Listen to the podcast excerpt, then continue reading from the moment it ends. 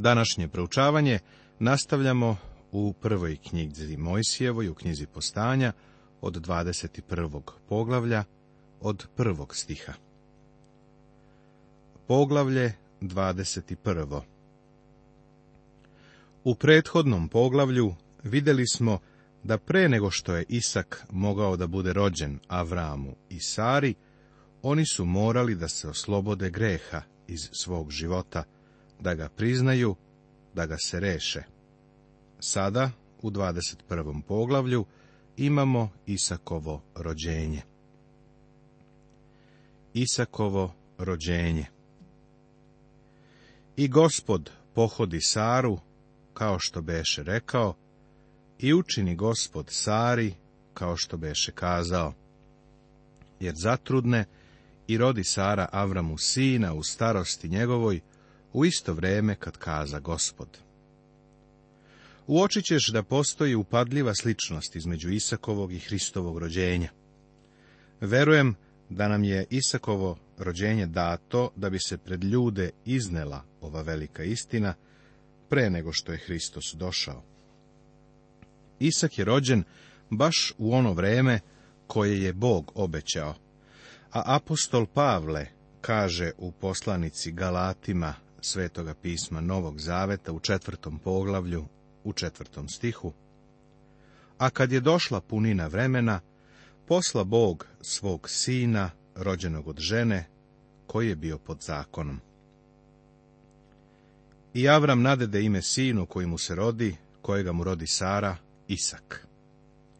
I obreza Avram sina svojega Isaka kad bi od osam dana, kao što mu zapovedi Bog a Avramu beše sto godina, kad mu se rodi sin Isak. A Sara reče, Bog mi učini smeh, kogod čuje, smejaće mi se. I reče, ko bi rekao Avramu da će Sara dojiti decu? Ipak mu rodih sina u starosti njegovoj. Ovde postoje neke izvanredne istine koje treba da prihvatimo. Pre svega, Isakovo rođenje je bilo čudesno bilo je suprotno prirodnim zakonitostima.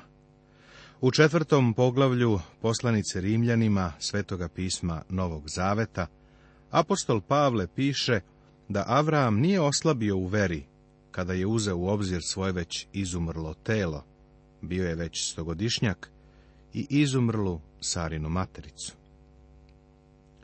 Iz smrti Bog izvodi život. Ovo je čudesno rođenje. Treba da obratimo pažnju na činjenicu da Bogu nije sinula ideja o nadprirodnom Hristovom rođenju kao nečem novom. On je ljude za ovo počeo da priprema, pa je zato mnogo pre, ovde u Isakovom rođenju, dobio čudesno rođenje. Takođe, ovde otkrivamo da je Bog morao da radi i sa Sarom i sa Avramom. Oni su morali da uvide da ne mogu ništa da je za njih nemoguće da imaju decu. Avram je imao sto, a Sara devedeset godina. Drugim rečima, Isakovo rođenje mora biti rođenje sa kojim oni zaista nemaju ništa. A kad dete doraste da se odbije od Cise, učini Avram veliku gozbu onaj dan kad odbiše Isaka od Cise. Ovaj mališan je prvo živeo od majčinog mleka, ali je došao dan kada je trebalo da prestane da doji. Čak i ovo u sebi nosi pouku za nas. U prvoj Petrovoj poslanici Svetoga pisma Novog Zaveta ovako nam je rečeno. Kao novorođena deca treba da želite duhovno, pravo mleko, da njim uzrastete za spasenje. U drugom poglavlju drugi stih. Kad mama sprema flašicu za dete u kolevci, sve u čitavom telu se pokrene. Beba podigne nožice i rukice, uvisi viče i sve snage, jer hoće flašicu. Kao novorođena deca treba da želite duhovno, pravo mleko, da njim uzrastete za spasenje. Divno je biti novi mladi hrišćanin sa takvim apetitom za mlekom Božje reči. Ali Dolazi dan kada postaješ spreman da počneš da rasteš kao vernik. Umesto da samo čitaš 23. psalam i 14. poglavlje Evanđelja po Jovanu, koliko god da su ovi delovi divni, probaj da čitaš celo sveto pismo. Rasti, nemoj sve vreme da budeš beba. Zapazi šta Bog savetuje u poslanici jevrejima, Svetoga pisma Novog Zaveta u petom poglavlju. Jer svako ko se hrani mlekom, nije vičan u reči o pravednosti, jer je nejak. A čvrsta hrana je za savršene. Uzrasti, prijatelju. Agara i Ismailo oterani. I Sara vide sina Agare Misirke, koja ga rodi Avramu, gde se podsmeva. Pa reče Avramu, oteraj ovu robinju sa njezinim sinom, jer sin ove robinje neće biti naslednik sa mojim sinom, sa Isakom. Dolazak ovog dečačića Isaka u dom sigurno je stvorio dosta poteškoća. Vidimo da se dečak, Agarin sin Ismajlo, podsmevao. Sve do sada on deluje kao vrlo fini dečko, ali sada kada se novi sin pojavljuje u porodici, Ismail se pokazuje u pravom svetlu. Ovo je usput da kažem ilustracija činjenice da vernik ima dve prirode. Sve dok se ne obratiš, imaš staru prirodu. I ta stara priroda te kontroliše. Radiš šta želiš. Kao što jedna stara svetovna pesma kaže, radiš sve što ti dođe pod ruku. A to što ti dođe pod ruku nije uvek najbolje.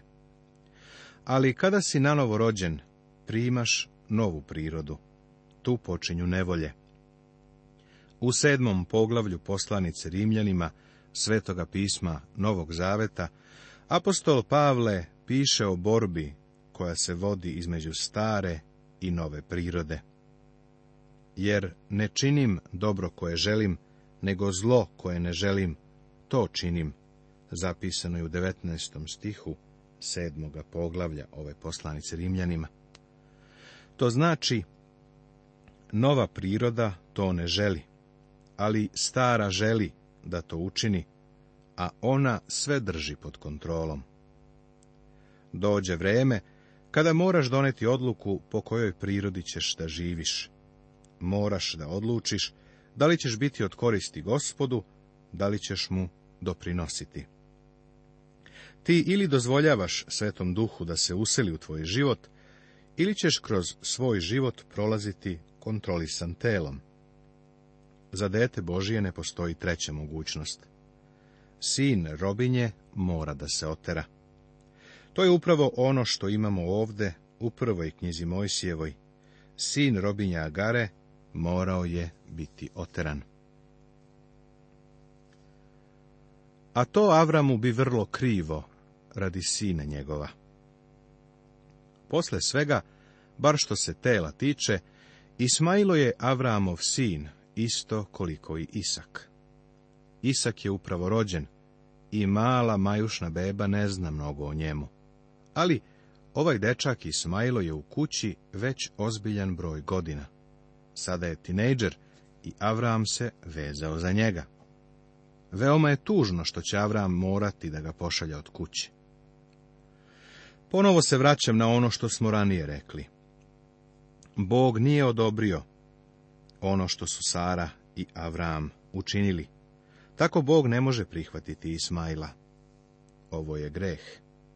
Bog jednostavno to nije odobrio. Avramu je to slomilo srce, ali da bi se oslobodio neprijatnosti, morao je da otera dečaka. Sirota Sara jednostavno više nije mogla da podnese tog poodraslog dečka koji je ismejavao. Kao vernik ne možeš živjeti u skladu sa obe prirode. Morat ćeš da doneseš odluku. Jakov kaže u svojoj poslanici, kad je čovek podeljene duše, nepostojan je na svim putevima svojim. Poslanica Jakovljeva, Svetoga pisma Novog Zaveta, prvo poglavlje, osmi stih. Ovo je objašnjenje za nestabilnost i nesigurnost među mnogim današnjim hrišćanima. Oni žele sa svetom, ali i sa gospodom. Oni su nekako duhovni šizofrenici koji pokušavaju da rade i jedno i drugo, a to ne može. Grci su imali trku u kojoj su uprezali po dva konja zajedno. Jahač bi jednu nogu stavio na jednog, a drugu na drugog konja. Tada bi trka počela. Trka je bila odlična sve dok su konji bili zajedno. Ti i ja imamo dve prirode. Jedna je crni, a druga beli konj. Bilo bi divno da obe idu zajedno, ali one jednostavno ne mogu zajedno. Beli konj ide jednim, a crni drugim putem. Kada to čine, ti i ja moramo da odlučimo sa kojim ćemo krenuti. Da li ćemo živjeti po staroj ili po novoj prirodi. Zato nam je rečeno da se predamo. Predajte Bogu sebe, a svoje udove Bogu za oružje pravednosti, zapisano je u poslanici Rimljanima u šestom poglavlju 13. stih Svetoga pisma Novog Zaveta apostol Pavle nastavlja i kaže da ono što zakon nije mogao da učini zbog slabosti tela, sada može da upotpuni sveti duh. Vidi poslanicu Rimljanima, osmo poglavlje, treći i četvrti stih, svetoga pisma Novog Zaveta. Zakon je pokušavao da kontroliše čovekovu staru prirodu i nije u tome uspeo. Sada duh Božiji osnažuje novu prirodu i može da ispuni ono što zakon nikada nije uspeo. Karakter Ismaila, Agarinog sina, počinje da se otkriva. To je priroda koju ćemo kasnije uočiti kako se manifestuje u tom narodu, narodu koji je bio antagonističan i čija se ruka digla protiv svoga brata. Ovo je njegova slika kroz vekove. Već sam rekao da u Isakovom rođenju imamo nagoveštaj rođenja gospoda Isusa Hrista. Bog nije iznenadio ljude devičanskim rođenjem. On nas je za to pripremio, kroz nekoliko čudesnih rođenja pre ovoga, kao što je rođenje Jovana Krstitelja, rođenje čak i Samsona, a evo ovde imamo Isakovo rođenje. Želeo bih da tvoju pažnju usmerim na izvanredno poređenje Isakovog rođenja i rođenja gospoda Isusa Hrista. 1. I Isakovo i Hristovo rođenje su obećeni. Kada je Bog pozvao Avrama iz Ura Haldejskog 25 godina ranije, rekao mu je sljedeće. Tebi i Sari daću sina. 25 godina je već prošlo i Bog je ispunio svoje obećanje. Bog je također Izraelcima rekao i sljedeće. Devojka će zatrudneti i rodit će sina. Kada je došao dan Isusovog rođenja u Vitlejemu, bilo je to ispunjenje proroštva. Oba rođenja bila su obećana. Kod oba rođenja od davanja obećanja do njegovog ispunjenja protekao je dug vremenski period.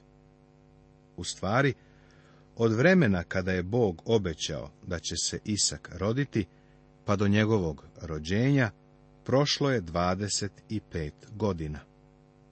Što se tiče Hristovog rođenja, prošle su mnoge generacije. Na primjer, Bog je obećao da će doći potomak iz Davidovog plemena. A to je obećano hiljadu godina pre nego što je Hristos rođen. Ovo je izvanredna paralela. Treće. Objavljivanje rođenja je izgledalo neverovatno i nemoguće i Sari i Mariji. Sjetit ćeš se da su sluge gospodnje posetile Avrama kada su bili na putu ka Sodomu, i da su mu objavile Isakovo rođenje. Ono je jednostavno izgledalo nemoguće. Sara se nasmejala i kazala, ne može biti, ovo je neverovatno. I nakon svega, ko je prvi postavio pitanje o devičanskom rođenju? Sama Marija. Kada joj je anđeo objavio vest, ona je rekla, kako će to biti kad ne znam muža? Evanđelje po Luci, prvo poglavlje. Četvrto. I Isak i Isus dobili su imena pre nego što su se rodili. Avramu i Sari rečeno je da će dobiti sina i da će se on zvati Isak. A kada je gospod Isus trebalo da se rodi, vidimo također da mu je ime unapred dato. Anđeo je rekao Josifu, ti ćeš mu dati ime Isus, jer će on spasti narod svoj od grehova njihovih. Zapisano je u Evanđelju po Mateju, u prvom poglavlju Svetog pisma Novog Zaveta. Peto.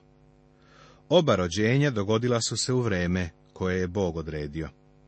Stih drugi ovog poglavlja kaže da je u određeno vreme o kojim nam je Bog govorio, Sara rodila Isaka. A u vezi sa Isusovim rođenjem zapažamo da apostol Pavle kaže, a kada je došla punina vremena, posla Bog svoga sina rođenog od žene, koji je bio pod zakonom. Ovo vidimo u poslanici Galatima, u četvrtom poglavlju, u četvrtom stihu. Šesto. Oba rođenja bila su čudesna. Isakovo rođenje je čudesno, a naravno i Isusovo. Nijedan čovek u ovome nije imao udela. Sedmo. Oba sina svojim očevima su bila posebna radost. Čitamo da Avram nadede ime sinu svojemu, kojega mu rodi Sara. Isak, što znači onaj koji se smeje. Ovo ime dao mu je jer u vreme kada je Bog objavio Isakovo rođenje, Avram se nasmejao, jer je bio radostan zbog svega. U vezi sa gospodom Isusom čitamo da je otac rekao sa neba, Ovo je sin moj ljubljeni, koji je po mojoj volji. Evanđelje po Mateju, treće poglavlje, svetoga pisma Novog Zaveta. Oba sina su bila radost. Osmo. Oba sina su bila poslušna svojim očevima sve do smrti. U 22. poglavlju prve knjige Mojsijeve knjige postanja vidjet ćemo da je ovog mladića Isaka Avram prineo na žrtvu. On tada nije bio mali dečak od osam ili devet godina. Kad se ovo dogodilo, Isak je verovatno imao oko 30 i neku godinu, a bio je poslušan svom ocu sve do smrti. Ovo je istina za Isaka, a zasigurno je istina kada je u pitanju gospod Isus Hristos. U rođenju i životu Isaka imamo divnu sliku Hristovog rođenja i života. Deveto.